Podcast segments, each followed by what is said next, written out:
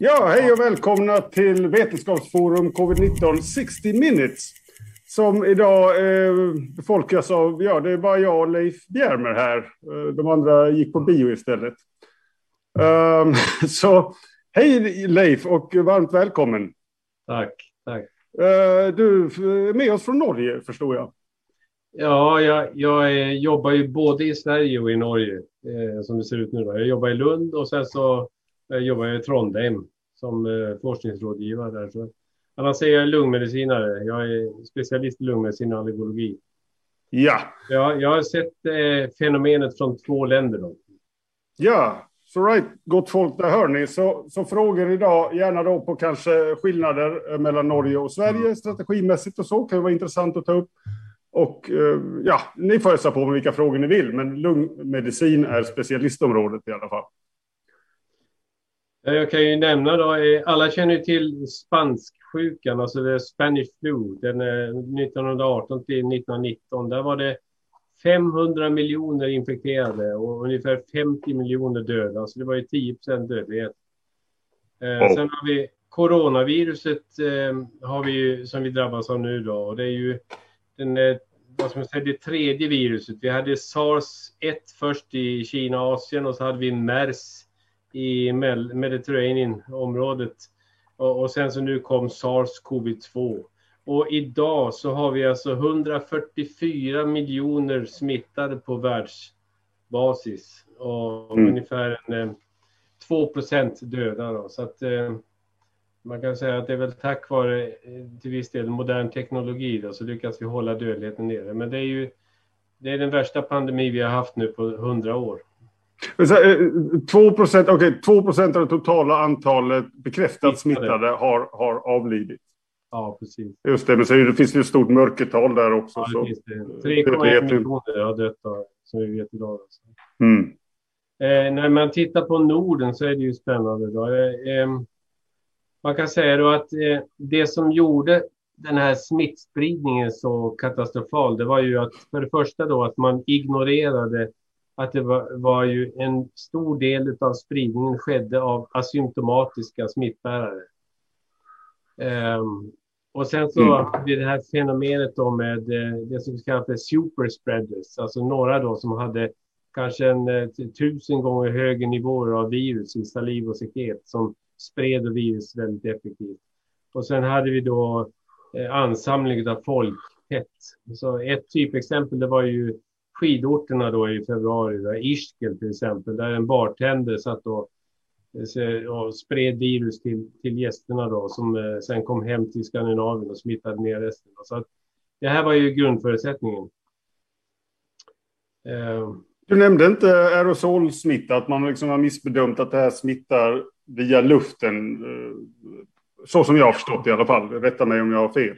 Nej, det gjordes det också både, både kontakt och aerosolsmitta. Och det, det, man, eh, eh det var ju liksom eh, väldigt mycket synpunkter härifrån. Alltså I Sverige, det man gjorde då, det var man sa så här att initialt då, lås in de gamla på åldershemmen och så låt smittan sprida sig så man får flockimmunitet. Och det var ju en strategi. Det hade kanske funkat om det hade varit ett vanligt influensavirus, men den här lömska varianten med eh, eh, tysta smittspridare, superspreaders och så vidare. Det gjorde att det uppförde sig helt annorlunda. Och så var det då som du sa aerosolsmitta. Ja, nej, sen, har, eh, har, du asymptomatiska smittspridare så går det ju inte att skydda de äldre. Så är det ju bara någon ska ge dem mat och någon ska ja, ta hand om dem. Och då, om man kan vara sjuk och smitta utan att veta om det själv så är det ju uppenbart att de kommer Precis. att stryka med.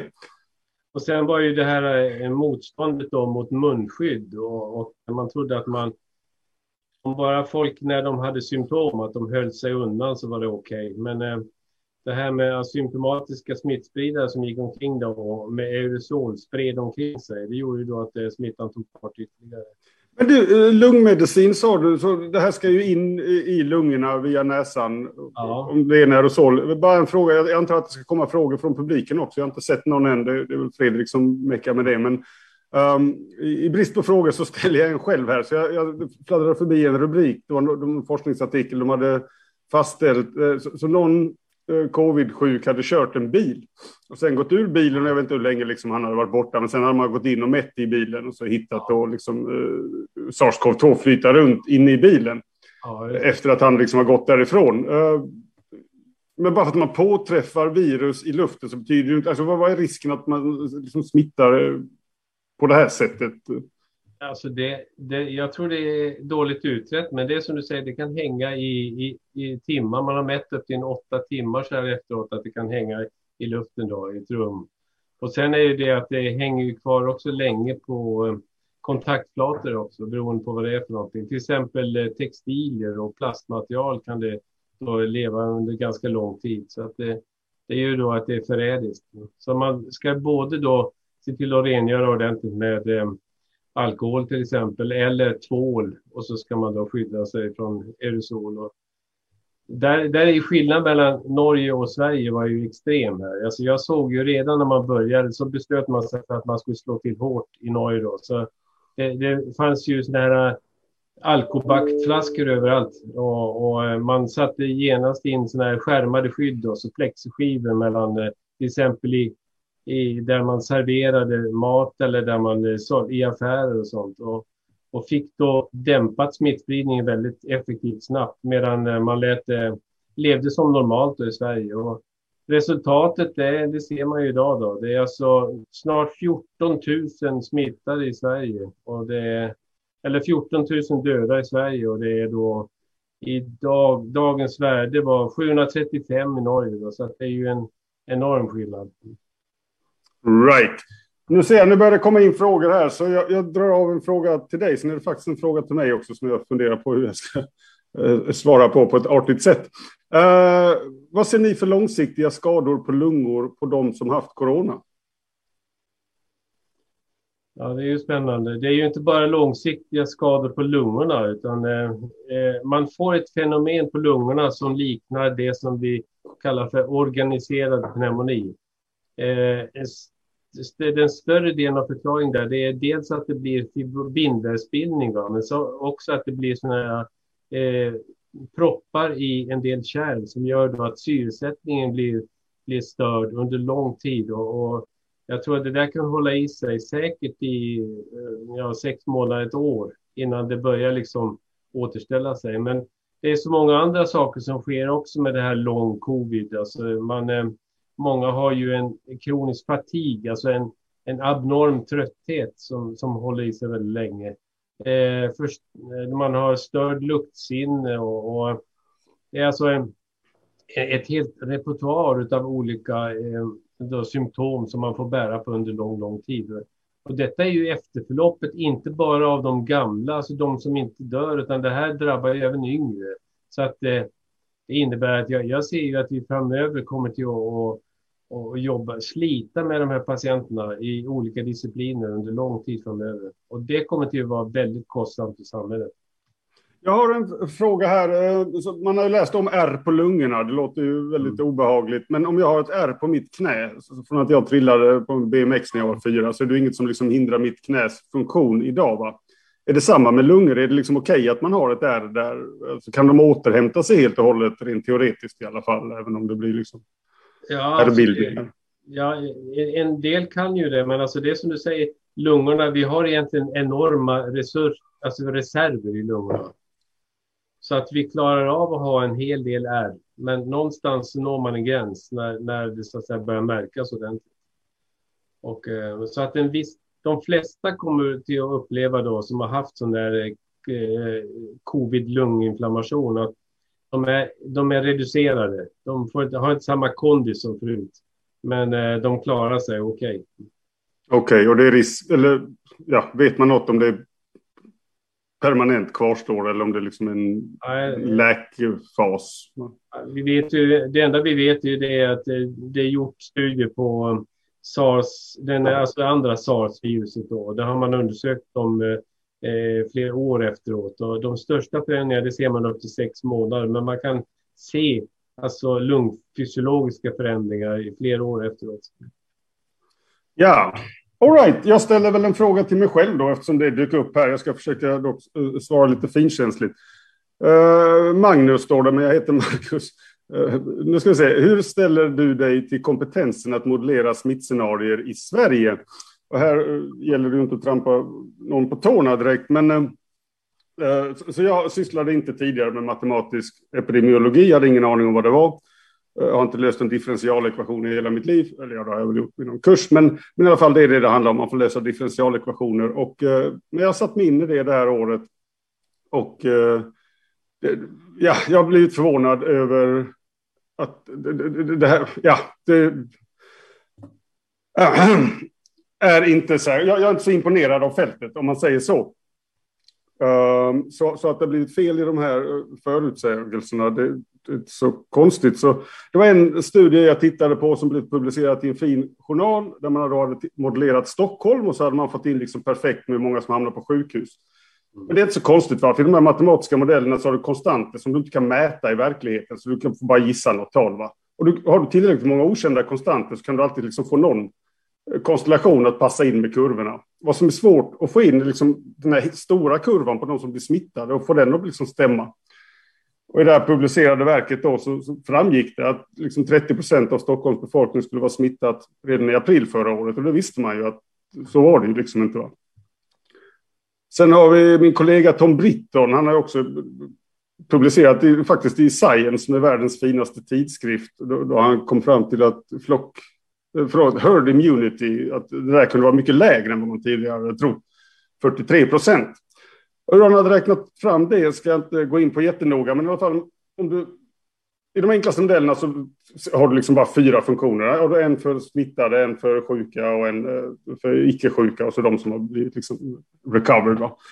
Men så kan man dela upp dem i mindre grupper. Vad de Britton gjorde var att han delade upp dem i tre grupper och sa att de här har olika aktivitetsnivåer. Så 25 procent är högaktiva, 50 procent är lagom aktiva, så 25 procent är lågaktiva. Uh, och då ändras dynamiken lite i det här systemet och så går herd immunity threshold ner. Uh, men vad betyder det då att vara högaktiv? Jo, har de petat in en siffra där, två. Så de är två gånger så aktiva som, som de andra i den här liksom, normalgruppen. Då. Men den där siffran två är ju bara något han liksom har tagit helt ur luften. Och liksom har indelningen 25, 50, 25.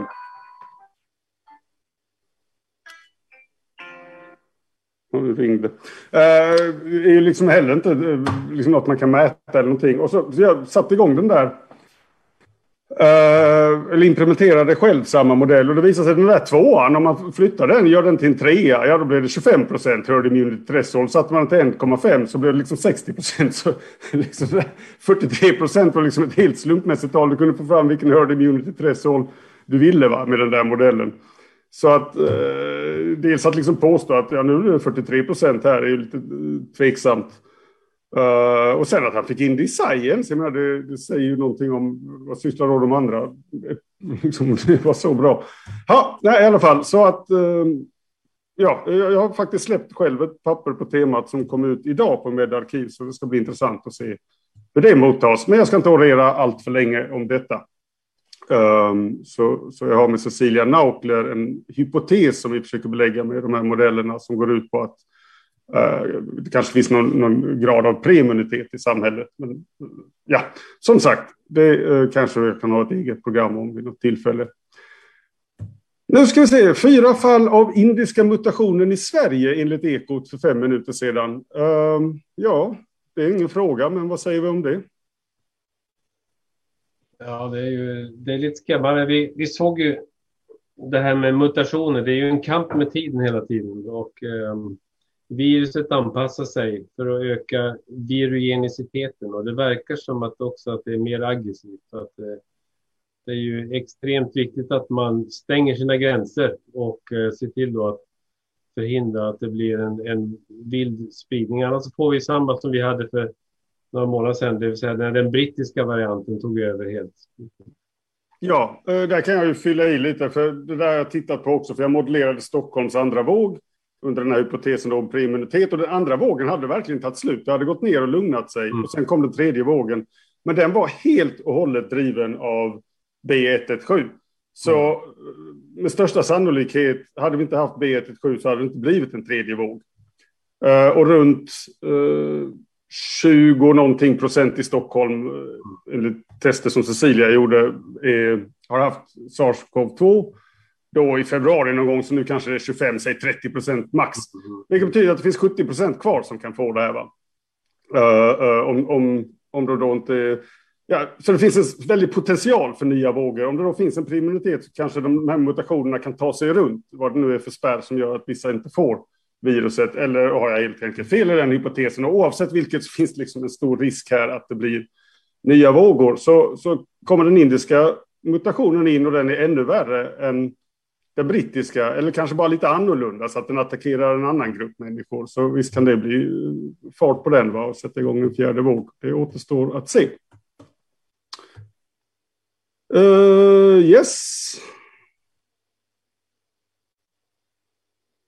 Norges kritik av Sverige, kan det månne det enda som skulle kunna bita på den svenska regeringen?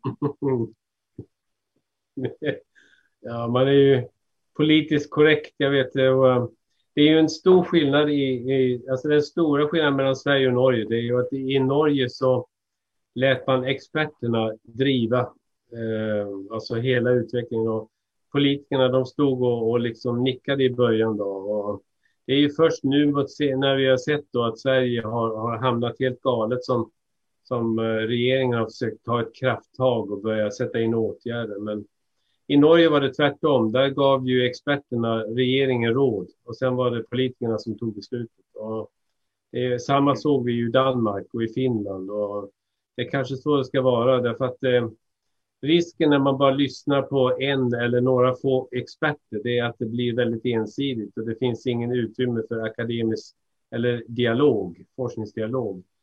Eh, det hade man, tror jag, bättre i Norge. Så nu när man, när man frågar lite grann om vad de tycker om den svenska kritiken så brukar även då Erna Solberg och kompani, de skrattar lite för läget och säger att de inte vill kommentera. Och det, det säger väl sig själv vad de menar med Ja. Ja, nej, så mycket debatt blev det inte i Sverige och det um, berodde väl på en viss arrogant hållning från de som håller i taktpinnen och ointresse av att ta in andra synvinklar. Uh, nu ska vi se, jag ska säga vad folk heter också, skriver eh, Fredrik till mig. Camilla Källner, Ann Persson och Katja Altio har hittills ställt frågor. Kristina um, Feif, varför förnekar Folkhälsomyndigheten och regeringen att de satsade på flockimmunitet? Det var ju uppenbart och finns bevisligen på mejl och vid presskonferenser där de diskuterar när den infaller. Ja, har du något svar där?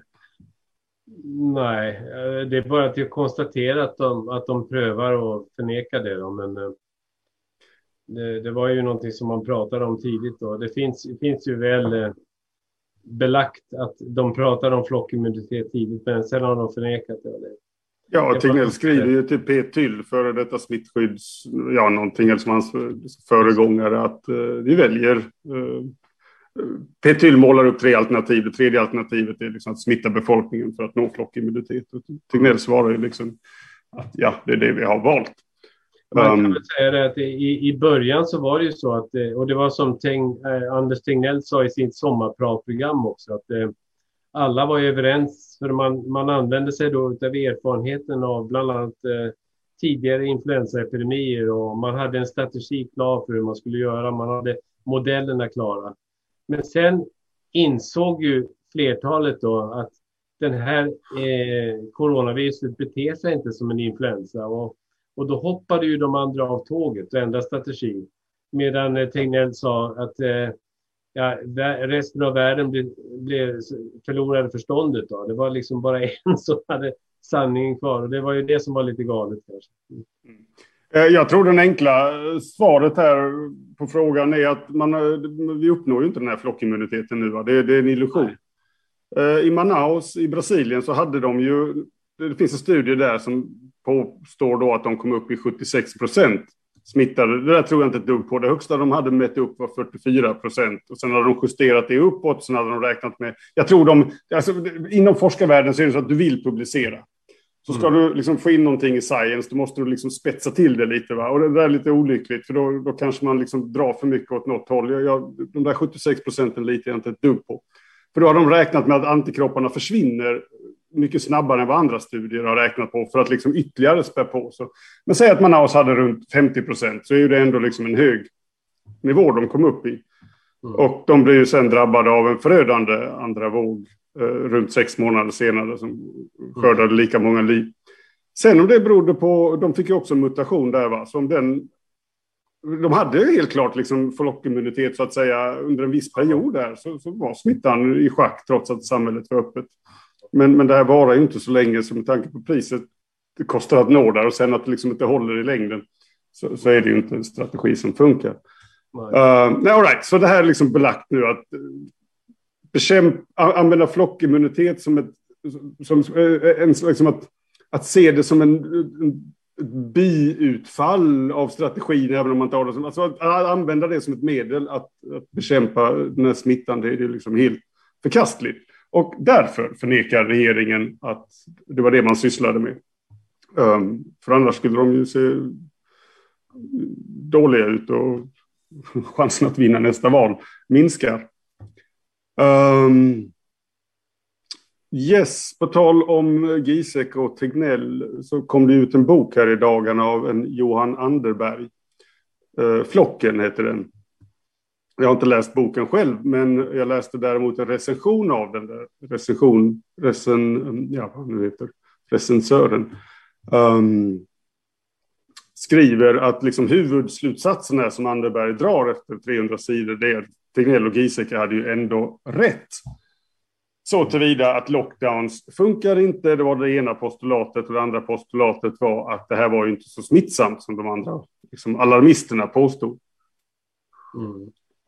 Det här vänder jag mig mot, att eh, det här får då liksom eh, utrymme i Expressen och SvD och sådär. Att han, som vad jag vet inte har någon form av vetenskaplig bakgrund alls, får uttala sig om sina privata slutsatser eh, som alltså är totalt felaktiga. Alltså det han säger här, eller åtminstone vad recensenten skriver att han säger, är ju helt fel.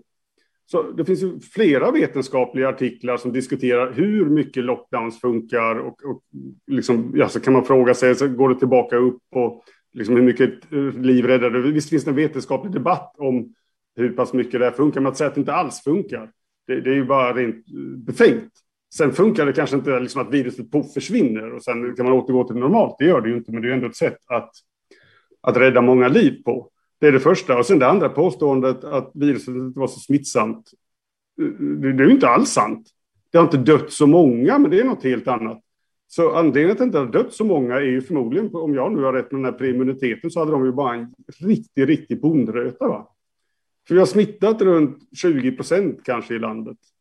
Och man tror, alla matematiska modeller säger att vi liksom snabbt ska komma upp i 70 procent. Ja, men dödligheten var ju den vad alla sa, runt 1 procent eller 0,5, kanske 0,6 där kring. Så då, då, då, hade det ju dött en 30 40 000 människor. Så enda anledningen till att det inte gjorde det är att få har smittats. Men det var ju inget de trodde. Men Giesecke var ju ute i The Lancet och bångstyrigt när serologi... Alltså när, när det kom in rapporter om att det var väldigt få smittade i Stockholm så, så hittade ju Giesecke på att ja, men jag tror inte på de där rapporterna. Jag tror att det är ändå fler, fast det märks inte. Liksom, de, liksom på något sätt att serologitesterna där man kollar för antikroppar, att de skulle liksom på något sätt vara, vara inte se alla som egentligen blivit smittade. Så han skrev till Lancet att, att nu, nu har vi snart flockimmunitet trots att vi har liksom 5 procents antikroppar. Jävla dumt. Ah, ja. Um, all right, då har vi svarat på den frågan. Nu ska vi se. Um, Sina Söderberg. Uh, hur kan FHM säga att vi som har astma och kronisk bronkit inte är riskgrupper? Den går till dig, Leif. Det var spännande. Jo, det är så här att eh, av de första rapporterna som kom in då från eh, bland annat Wuhan, om eh, man tittade på eh, profil på patienter som drabbas av svår covid, så var det en grupp som löst med sin frånvaro. Det var de med astma och allergi. Och det är visat sen då att just eh, patienter med astma och allergi, de har då en, en reducerad mängd av sådana här eh, ACE2-receptorer som behövs för att viruset ska fästa sig i luftvägarna. Så att det är faktiskt så att om man har astma eller allergi så har man ett visst relativt skydd. Men däremot så visade det sig att eh, de som hade KOLS, alltså KOL, och eh, sannolikt är det så också att de som har då en svårare astma och framförallt en annan inflammatorisk profil än just allergisk astma, de, eh, eh där finns inget belägg för att de är skyddade. Så att eh, det är lite multifacetterat det där. Det är inte så enkelt. Mm. Lotta Hegrelius här undrar lungmedicin, tankar kring att vissa säger att inhalera kortison, typ Pulmicort, eh, mm. skyddar det? Ja, det är gjort eh, faktiskt visat eh, studier på det att eh, om man tittar på de inhalationskortison som finns då på marknaden så ser man att några av de här kortisonpreparaten, de har också en virushämmande effekt. Eh, den mest virushämmande effekten har man sett för eh, en av preparat som heter Mometazol och eh, Ciclesonid. Eh, Budesonid, det finns någonstans eh, alltså mitt på träet och har en viss hämmande effekt.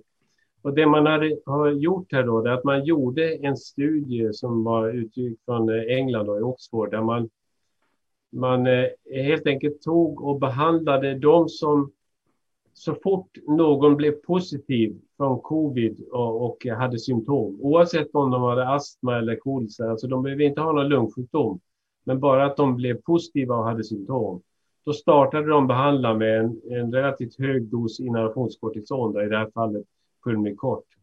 Och det gjorde faktiskt att man kunde reducera risken för att få en allvarlig eh, covid med 20 procent. Och det är faktiskt mer effektivt än någon annan så att säga, medicin vi har haft mot covid. Alltså det, men det viktiga är att det ska sättas in i en tidig fas. Eh, det vill mm. säga när man är smittad. För att när man väl har börjat utveckla så att säga, en covid-pneumoni och så vidare, då tror jag inte det har särskilt mycket att göra. Men just att man gör det tidigt. Men är det något, eh, jag vet inte vad det är, är det, är det saker man kan köpa receptfritt eller? Nej, man måste få det förskrivet. Då. Det, det finns också eh, rapporter på eh, den här, just eh, som jag sa, cyklosonid som har visat effekt också. Det, nu, eh, eh, så att jag, jag, är ju övertygad om att just de, de här steroiderna som jag nämnde då, de ska, har man dem så ska man definitivt starta behandla så fort man blir positiv. Och har Men varför inte, mm, Ja, fortsätt. Ja, och har man, har man inte astma eller kols, men att man blir smittad så, eh, så, så eh, tycker jag det finns så pass mycket belägg så att det finns indikation för att starta och behandla även då. Men vad är anledningen till att man inte liksom skickar hem alla som får ett positivt covid-test, åtminstone de i riskgrupp med, med en liksom flaska sånt här? Ja, det kan ju vara då att eh, man tänker samhällsekonomiskt att det blir kostsamt att utrusta alla med inhalationskortison. Men eh, Mm. Eh, det är ju, jag tror att det skulle visa sig vara samhällsbesparande. För jag menar, kan du reducera eh, antalet svårt sjuka som behöver då inneliggande vård och kanske intensivvård med 20 procent så borde det vara väldigt kostnadseffektivt. Ja, och även bra för de som slipper ligga på IVA. Ja, Men eh, som sagt, det, det, finns ett väldigt tröghet i systemet. Då, så att eh, det här är ju relativt nya data. Jag, jag fick känning om dem för en, två månader sedan och nu är det publicerat och det tar en stund innan myndigheterna börjar reagera och så vidare. Så det, men det, jag är definitivt, det är helt klart att det fungerar. Okej. Okay. Nu ska vi se, fungerar vaccinen mot den indiska mutationen? Um, har du något svar, Leif? Nej, jag, där lämnar jag pass. Jag tror den indiska mutationen är så pass ny att det har man inte riktigt hunnit uh, kolla än. Mm. Uh, däremot alla rapporter jag har sett uh, av liksom det där har funnits farhågor tidigare. Att, liksom vissa, ja, det finns ju olika vaccin också, så ska man diskutera vilket vaccin fungerar mot vilken mm. mutation. Men de flesta rapporter jag har sett har varit av det positivare slaget. Att, att, uh, men jag, jag, har inte koll på dem i huvudet, jag ska inte säga liksom vilket. Men, um, men än så länge så har åtminstone Pfizers vaccin tror jag klarat sig hyfsat mot... mot uh, när, när det gäller vaccin så tror jag man ska skilja på det här med att skydda sig från att bli smittad. och skydda sig från att få en svår covid. Mm. Alltså om vi tar en sån sak som Johnson Johnson, jag såg bara deras data nu då, då var det alltså 68 procent som var skyddade från smitta, men det var 100 procent som var skyddade från att få svår covid. Och det är ju egentligen, ja, vi vill ju ha bägge delar förstås, men, men jag menar det viktigaste är att det ger eh, sannolikt också när vi pratar om den indiska varianten, det ger sannolikt ett partiellt skydd. Men sen är frågan om hur mycket skydd man får. Men förhoppningsvis så även där att man slipper få väldigt svår covid. Ja, när vi ändå nämner vaccin. Eh, Norge hade ju slutat med AstraZeneca mm. och, och även eh, Danmark. Sverige fortsätter att vaccinera dem över mm. 65 med AstraZeneca. Och vi, vi, eh, det har ju varit ett par mm. förmodade dödsfall kopplade till det här med blodproppar och så. Har du någon kommentar kring det? Ja, alltså de som har drabbats, det är ju sådär att eh, när man eh, vaccinerar så många som man gör då så finns det ju alltid några, det som var säger då, parallellfall. Alltså det, det, det finns ju en naturlig förekomst av till exempel bentrombos. Man får underbenstrombos och även lungembolism och det kan man förvänta sig. Men det som är speciellt här då med AstraZenecas vaccin och som även har visat sig med Janssen Janssen då, det är att några individer som verkar vara predisponerade, som har lite någon form av defekt funktion i sina trombocyter och som har ett väldigt aggressivt eller aktivt och ungt immunsvar. De eh, startar och bildar då, eh, får så kallade hyperaktiva blodtrombocyter som aggregerar. Och då får man mikrotromboser runt omkring Eh, den klassiska bilden som man har nu visat då, som har kommit efter det här AstraZeneca, det är det som vi kallar för cerebral ven sinustrombos. Alltså det, det, är inte den klassiska att man får det i underbenen, utan man får alltså tromber i hjärnan. Och mm, det är det som har gjort att några har dött i det här också. Så att det är en helt annan bild med eh, eh, trombbildning som då gör att de här, när de aggregerar så suger de upp så det blir också en relativ trombocytbrist också i blodbanan. Och det är den här bilden som man såg först då, så man, man funderar på vad det var. Men nu, nu vet man mekanismerna och det ska alltså vara unga, det har varit unga eh, under 65, det har varit i huvudsak kvinnor och, och eh, flera av dem har varit på hormonbehandling. Så det, det har varit en riskgrupp. Och då har man menat då att risken för att få sådana här märkliga fenomen är kraftigt reducerat hos de som är över 65 år. Så där har då några länder sagt okej, okay, vi fortsätter under, på de äldre, men vi, vi ger det icke till yngre. Mm. Sen jag hörde, fladdrade förbi eh, någonstans att Norge hade räknat, någon i Norge hade räknat ut att fler skulle dö av AstraZenecas vaccin än corona, men det är ju givetvis tagit med i beaktande att de har väldigt låg smittspridning i Norge och liksom lyckas hålla det så med, med en bra strategi helt enkelt. Uh, och då är det ju givetvis så att om man då vaccinerar liksom 50 procent av befolkningen med ett vaccin som har en väldigt ovanlig bieffekt så kan det ju ändå bli fler döda uh, av den bieffekten. I Sverige har vi dock en hög smittspridning, för tillfället tror jag den högsta ja. i Europa. Uh, och då blir ju kalkylen lite en annan. Då är det ju ändå bättre att liksom vaccinera på. Um, men um, ja, skulle du själv ta AstraZenecas vaccin? Jag, ja, du frågar mig nu och jag kan ju naturligtvis säga ja eftersom jag redan är vaccinerad för två månader sedan. Um, men jag skulle säga att jag, jag, jag tycker det här är så pass viktigt att det verkar som att eh, man ska vara disponerad. Jag tror inte jag är det, så därför så skulle jag säkert kunna klara det av eh, AstraZeneca. Eh, men eh, vi har sett det, ett fenomen som bland annat eh, är sett här och nu vill jag få ta det lite grann med, med en nypa salt eftersom det inte gjort en studie, men det har visat då att just de som har fått de här fenomenen här, de har alltså enormt antikroppssvar som mm. är betydligt kraftigare än vad man ser efter en naturlig infektion. Så en, en hypotes är ju då att eh, man kanske har doserat lite högt. Men, eh, ja, just det, de skulle att, reducera. dosen, vilket även de eh, hade lett till. De hade ju av, av, av misstag gett folk ja. halv, uh, halv dos ja. och så hade det visat sig att det funkade bättre. Ja. så, så jag, jag, um, så jag, jag, skulle nog bett att de gav mig halva dosen faktiskt. Titta här, nu dyker ja, Anders Wallner upp också. Ja. Uh, vad är det man ska ha när man får oväntat besök? Är det Löfbergs Lila eller Gevalia? Gevalia är det väl? Gevalia, ja.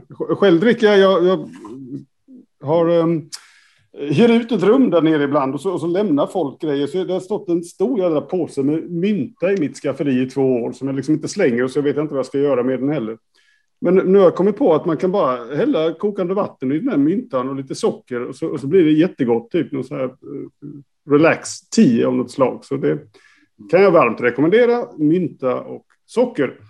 Uh, nu ska vi se, uh, Fredrik, är Anders Wallner med i tvn eller är det bara att jag som ser honom? Mm. Anders Wallner är med. Okej. Okay. Ja, då har vi fått en, en, en känd Båstadbo med oss här också. Hej Anders! Hej! Trevligt. Ehm, ja, vi går vidare här med, eller vill du säga något? Vi sitter och betar av... Jag har ni pratat om, men Ja, I'm glad to be here. Ja, ja nej, vi, vi har precis uh, avhandlat lite AstraZenecas vaccin. Uh, Okej. Okay. Uh, de har ju... Man fortsätter att vaccinera i Sverige, men i Norge hade man ju slutat med det. Så det var väl samtalsämnet. Jag vet inte om du har någon kommentar där? Nej, ja, det är... Eh, jag menar, det är klart, eh, ja, som vi hörde, det här visste vi tidigare, men som vi hörde i eh, dagens eh, presskonferens att eh, eh de här vanliga biverkningarna som eh, feber, huvudvärk och eh, muskelvärk, alltihopa det här, det är ju mellan fem och tio gånger vanligare med Astra vaccinet än med de andra vaccinerna och det är inte så konstigt därför att de andra är ju väldigt rena. De här mRNA-vaccinerna. Och, ja. Ja, det... Mina föräldrar blev inte sjuka alls. Sen har jag... Nej, jag tog Astra, jag blev inte det minsta sjuk, eh, kan jag säga. Ja. Min hustru eh, eh, blev sjuk, men jag vet inte om det, om det eh, var en, eh, en skadedjursallergi upp, upptågande också samtidigt som så det kanske mycket av hennes besvär var egentligen en skadedjursallergi. Jag vet inte. All right. Vi får låta det vara Men det blir en biverkning. Det blir ändå en biverkning. Det är ju så här, blir man överkörd det är en biverkning också. Jag kan, kan berätta att eh, Norge har ju, de slutar men de har lånat ut sina doser till Island. Och USA ska väl skänka alla Astra. Så det lär väl vi få många fler. Jag såg att i Stockholm är man över 65 så, så är, är det bara Astra man får. Mm. Det här är en åldersdiskriminering får vi ändå säga. Det... Ja, men det kan ändå vara baserat på en viss biologi. Så att det... Ja, mm. det... Ja, det, alltså, de här biverkningarna är ju så... Eh, de här med eh, trombos i kombination med att blodplättarna försvinner eh, är ju så oerhört ja, vad är det, en på 100 000 eller en på 50 000 och sånt där.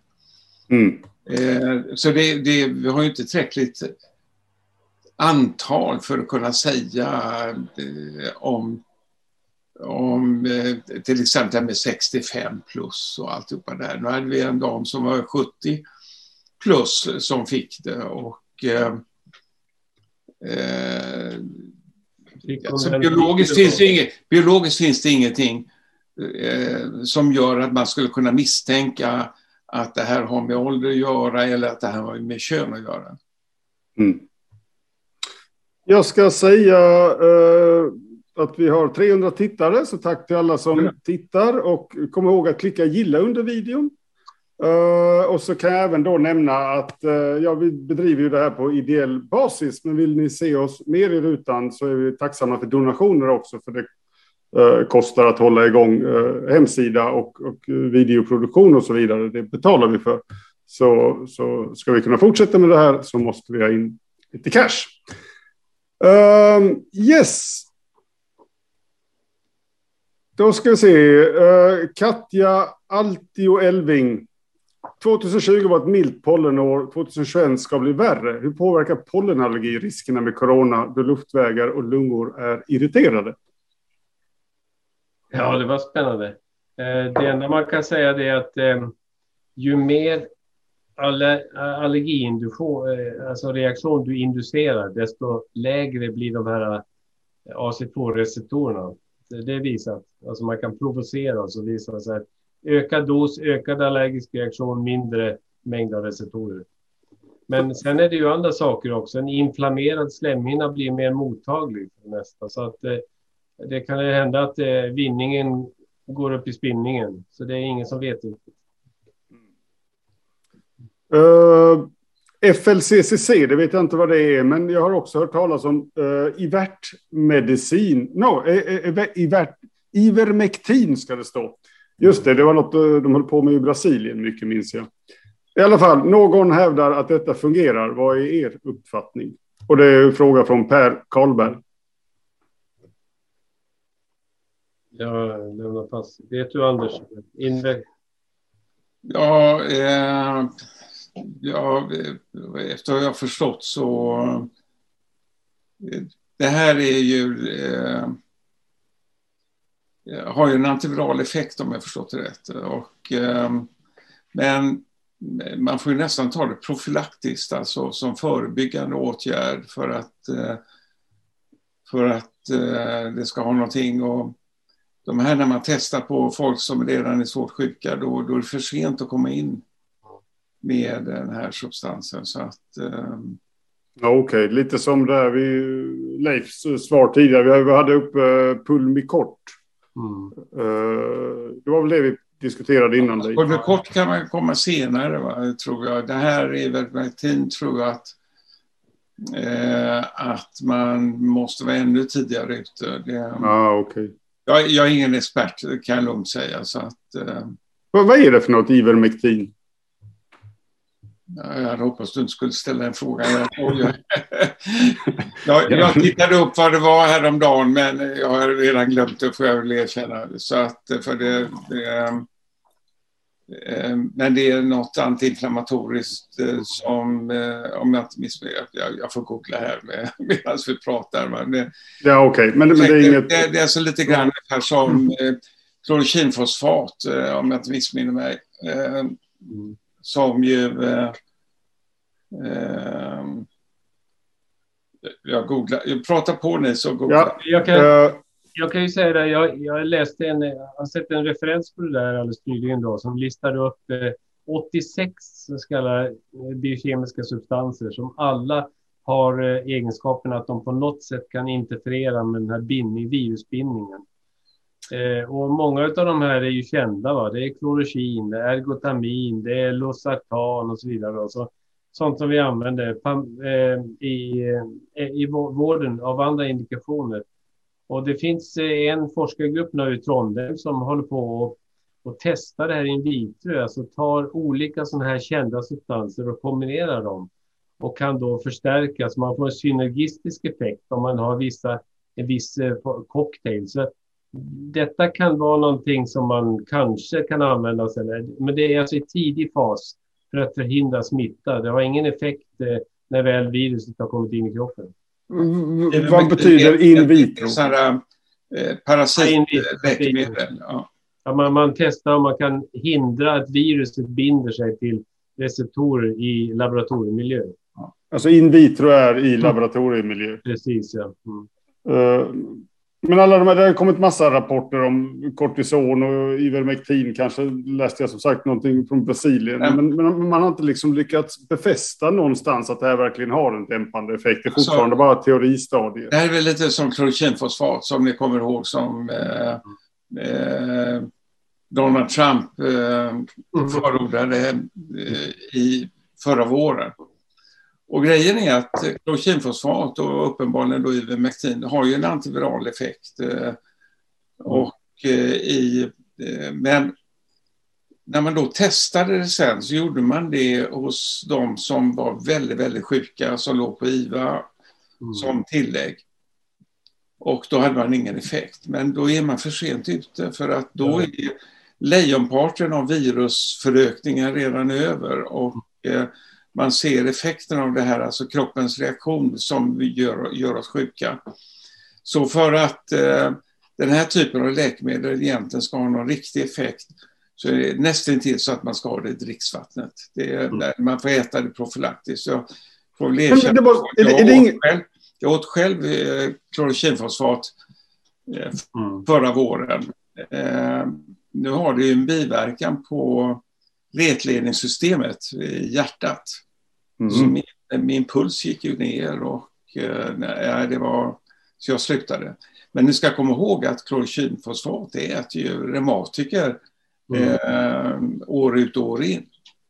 Så att eh, Eh, så farligt var det inte. Jag tog lite för mycket kan man säga. Men, men, men eh, det är ändå lustigt att ingen eh, nu, att man inte har liksom antingen förkastat eller bekräftat den här teorin i någon större studie. Det är inte så svårt att ge klorokinfosfat till 50 000 människor och se om liksom... Ja, i och med att det har biverkningar så eh, mm. man skulle kunna se då på reumatiker som går på klorokinfosfat om de eh, om de eh, har klarat sig bättre, men jag tror inte någon sån studie är gjord. Okej, okay. Ivermectin, eh, har det biverkningar också? Är... Ja, jag vet inte, jag, jag är inte påläst på den substansen så att det, det har inte varit aktuellt för mig att förskriva den någon gång. Så eh, jag vet inte. Det är viktigt det som du säger Anders, att det är ju olika faser man måste se på. Den första fasen det är ju att ta någonting som förhindrar att viruset binder sig till slemhinnor och kommer in i kroppen. Och då får man, som du säger, blanda det med dricksvattnet. Och där finns ju ett antal substanser. Och det andra är då, vad ska man ta precis när man har blivit smittad? Men innan man har utvecklat allvarliga symptom. Och där har just inhalationskortison visat sig vara effektivt. Och sen så kommer det ju nästa fas då när viruset börjar tas om hand och du får inflammation i kroppen, alltså en, en reaktion på viruset i form av en inflammation. Och då är det, då är det andra substanser som man använder, bland annat eh, eh, eh kortison systemiskt, att man ger som injektion och sånt. Så att, beroende på var man är någonstans så är det olika eh, sådana behandlingsstrategier. Jag skulle precis googla något annat, men vi har två frågor här om den indiska mutationen. Anders Wahlner, du som är virolog, du kanske kan eh, berätta något, eller har, har, du något att säga om den indiska mutationen? Ja, till Hur den har, eh, Man pratar om dubbelmutationer och det, det är ju flera mutationer sådär, men det, den har två mutationer som är intressanta och eh, det ena är i position 484 på, i spike-proteinet. Där är ju så att den sydafrikanska och den brasilianska har ju en... Därför är, innan det muterar så är, är det en aminosyra som heter glutamat som är negativt laddad i den här positionen, eller E, eh, som är enbokstavskoden för det, den aminosyran, som ändrar sig till eh, lysin som är K, som är positiv laddad. Så här är negativ laddning som blir en positiv laddning som gör att virus fäster in väldigt mycket bättre. Plus tyvärr att de antikroppar som vi har utvecklat mot eh, ursprungsvarianten fungerar sämre. De binder inte därför att här vi plötsligt fått en positiv laddning har blivit en, neg äh, en negativ laddning har blivit en positiv laddning. I den indiska varianten så har man också en, en mutation från det glutamatet E som är negativt laddad, men till, till en, en, en eh, annan aminosyra som heter glutamin, som, där enbokstavskoden är Q. Den är också positivt laddad, men inte lika, positiv, inte lika kraftigt positivt laddad som lysinet är. Men det är ändå i samma riktning. Så att eh, den, eh, det, det, är ingen, det är inget roligt. Den mutationen, den här mutationen från negativ till positiv laddning har man även sett i Sverige av den engelska varianten så det blivit en tilläggsmutation. Så det är naturligt, det är en, en anpassning av virus till människa att göra på det här sättet.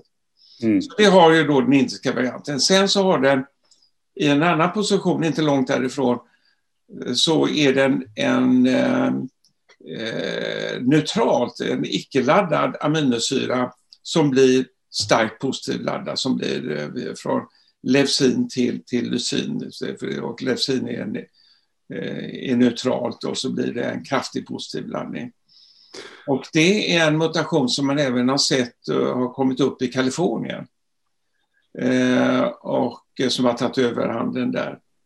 Mm. Så den har två elaka, den har en mutation som då har blivit färskande i, i Brasilien och i Sydafrika och en mutation som blivit förhärskande. Men, men för oss som inte begriper det här med aminosyror och positiva laddningar och annat. Eh, hur stor är risken för att den här, eh, den har nu kommit in i Sverige, de har bekräftat fem fall, så, så det, det är väl det är liksom för sent att stoppa den. Hur stor är risken för att den här liksom beter sig på ett helt annorlunda sätt än de tidigare varianterna vi har sett, den engelska och den alltså originella? Den, alltså den, om du tar den kaliforniska med, med den extra mutationen här som jag sa, så har ju den eh, i och för sig inte spridit sig i, i världen eller ens i USA sådär jättemycket. Så att eh, eh jag tror att den engelska med eh, den här eh, E484K kommer att vara farligare än den indiska i, i Sverige. Mm. Eh, men eh, jag kan inte riktigt se att, att den indiska skulle ha någon fördel mot, eh, mot den eller mot den sydafrikanska. Ja. I alla fall, som vi har diskuterat det här tidigare, att den tredje vågen i Stockholm, det ser ut som att den är på tillbakagång nu och den var ju liksom helt orsakad av den brittiska mutationen. Och då är frågan eh, om det kan komma en fjärde våg tack vare den indiska eller inte. Och jag tänkte bara, jag har tagit upp min telefon här. Jag tänkte jag kan visa lite sådär kanske. Ni kan se den indiska kurvan. Som ni ser den här pucken, alltså det ser ut som att de har, det är precis sådana pucklar man ser när du gör matematisk modellering. Det går upp och det går ner. Och eh, i den här första pucken då så har du runt 20 procent som hade blivit infekterade med det här viruset. Det såg alltså ut som att det var över. Och så muterar skiten och så ser ni liksom den här, det går ju liksom spikrakt mot himlen va. Och, alltså, och, eh, det kan ju ha skett andra mutationer också. Jag menar, vi har varit så otroligt koncentrerade på mutationer i, eh, i det här spike-proteinet, ytproteinet och hur väl det, virus binder in till celler och eh, det är även mot spikeproteiner som de här antikropparna som skyddar oss mot virus är riktade. Men sen så har det skett, eh, sker det mutationer eh, som gör att virus eh, är duktigare på att föröka sig i celler. Där väl virus har tagits in så kan ju då cellen kanske producera tusen nya viruspartiklar eller hundratusen nya viruspartiklar. Och, eh, här är det då en anpassning i andra eh, proteiner som virus kodar för och det är sådana proteiner som inte är är direkt delar av viruspartikeln. Men som eh, när virus kommer in så talar de för cellen eh, att nu ska jag göra nya viruspartiklar och då är det inte alltid så att cellen har alla de maskiner som behövs. Och då har virus med sig råkopiorna som talar om för cellen hur den ska göra de här eh, verktygen och maskinerna för att producera nya virus. Och då kan vi få mutationer där som gör att cellen blir duktigare på det här. Och, eh, mm. Ta bara en sak som till exempel virusarvs... Eh, halva det här coronavirus arvsmassa går åt till att se till att virus eh, går under radarn för det vi kallar för det naturliga immunförsvaret som egentligen är det som ser till att vi blir av med virus. Och Eh, nu har vi sett mutationer i de här som gör att virus blir ännu duktigare på att gå under radarn. Så um, jag vet faktiskt inte hur det är med den indiska som nu har kommit in och som tagit över om den har mutationer också i de här icke vi får helt enkelt vänta och se vad som händer. Det finns i alla fall gott om folk. Eh, så Sverige och Indien är där ganska lika. Indien hade 20 procent smittade när det här drog eh, iväg med en rasande fart. Och Sverige har eh, kanske runt 20 procent smittade också vid det här laget. Möjligtvis till och med något mindre. Um, så gästen som lever får se. Jag har en egen fråga till, till dig, Leif. Vi börjar gå mot sitt slut här, men um, uh, det har kommit lite rapporter om liksom, vad ska man säga, antisvenska stämningar i Norge, eller liksom irritation mot svenskarna att de ehm, den här höga smittspridningen vi har och den här strategin som inte riktigt går ut på att stoppa viruset, det, det, det liksom utsätter ju alla i, i området för risk också. Va? Det, um, eh, eh, eh ja, och där kommer även... Ja, all right. Eh, har du någon kommentar? Är det något du själv har märkt av eller har du någon... någon... Nej, alltså de, eh, det som har kommit, det, det har ju varit... Man har sett att, eh, att smittspridningen har drivits i huvudsak av eh, arbetskraftsinvandring. Alltså, folk, det har varit arbetare, det har inte varit så mycket svenskar utan det har varit mest från Baltikum och Polen som har kommit in då, som har gått direkt. Och det har varit vissa industriprojekt där man liksom har av ekonomiska skäl så att säga se till att man har prioriterat att få in arbetskraften före att, eh, att, eh, skydda sig. Och det har gjort då att man har fått smittspridning. Eh, och detta var ju anledningen till att man då satte gränspolis. Nu är hemvärnssoldater och, och så vaktar eh, gränserna mellan Sverige och Norge. Det är ju en helt bisarr situation.